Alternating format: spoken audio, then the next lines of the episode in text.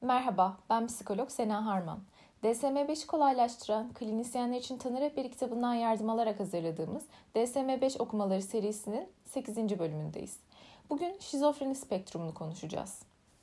DSM'nin şizofreni tanı ölçütleri bir kesinliğe ulaşmak amacıyla yıllar geçtikçe daha karmaşık bir hale gelmiştir.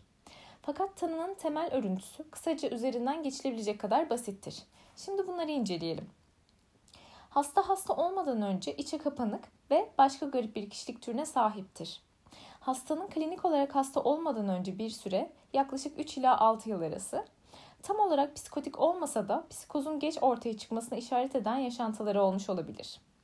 Bu ön belirtilerin olduğu dönemde düşünce, dil, algı ve motor davranış anormallikleri görülür. Hastalık aşama aşama ve genellikle belli belirsiz bir şekilde başlar. Tanı koyulmadan önceki en az 6 ay davranış değişiklikleri başlar.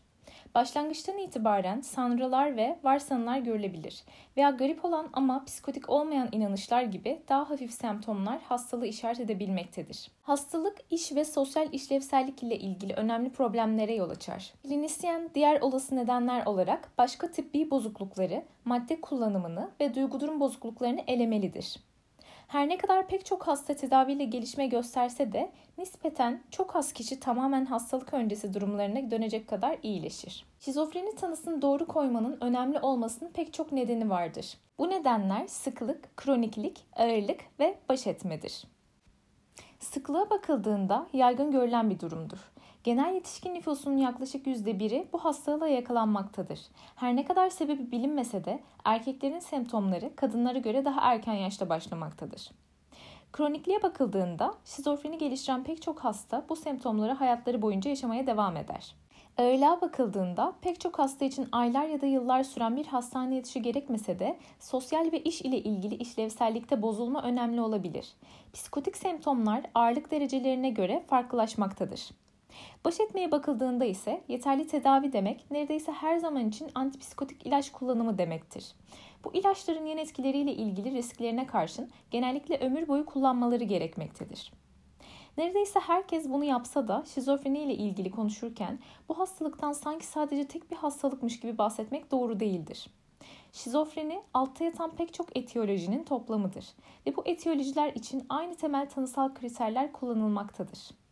Şizofreni olan hastalarda belirtilen tanı ölçütlerine ek olarak pek çok semptomun da bulunduğunu belirtmek önemli olacaktır. Birkaçı aşağıda belirtilmiştir. Bunlar bilişsel işlevlerde bozulma, disfori, içgörü yoksunluğu, uykuda bozulmalar, madde kullanımı ve intihardır. Şimdi bu maddeleri inceleyelim.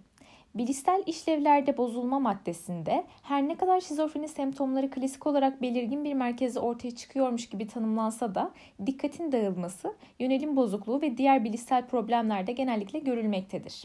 Disforiye bakıldığında öfke, kaygı ve depresyon ortaya çıkan psikozlara karşı verilen yaygın duygusal tepkilerden bazılarıdır. Bazı hastaların ise uygunsuz duygulanımları vardır. Örneğin komik bir şey yokken kıkırdamak gibi. Kaygı atakları ve bozuklukları giderek daha fazla görülmektedir. İçgörü yoksunluğuna bakıldığında pek çok hasta hasta olmadıkları şeklindeki yanlış bir inanışla ilaç almayı reddeder. Uykuda bozulmalara bakıldığında bazı hastalar varsanılar ve sanrıların ortaya çıkışı ile mücadele etmek için geç saatte kalkar ve yine geç saate kadar uyanık kalır. Madde kullanımına bakıldığında şizofrenisi olan hastaların %60'ında görülen tütün kullanımı özellikle yaygındır. Son olarak intihara bakıldığında bu hastaların yaklaşık %10'u yaşamlarına son verir.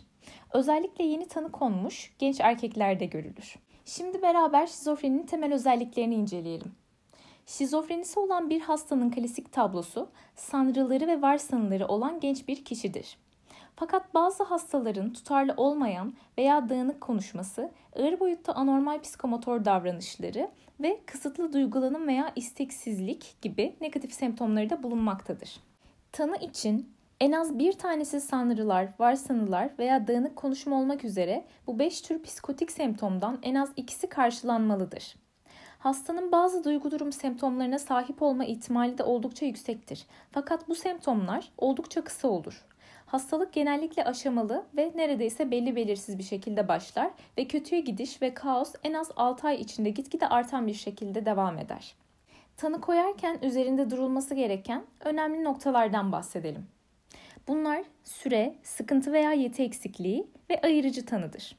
Süreye bakıldığında 6 ay ve daha fazlası ve yukarıda saydığımız maddeler olan kriter A'nın semptomlarıyla en az bir ay olup olmadığına dikkat edilir. Sıkıntı veya yeti eksikliğine bakıldığında sosyal, mesleki veya kişisel işlevsellikte bozulma olup olmadığına dikkat edilir.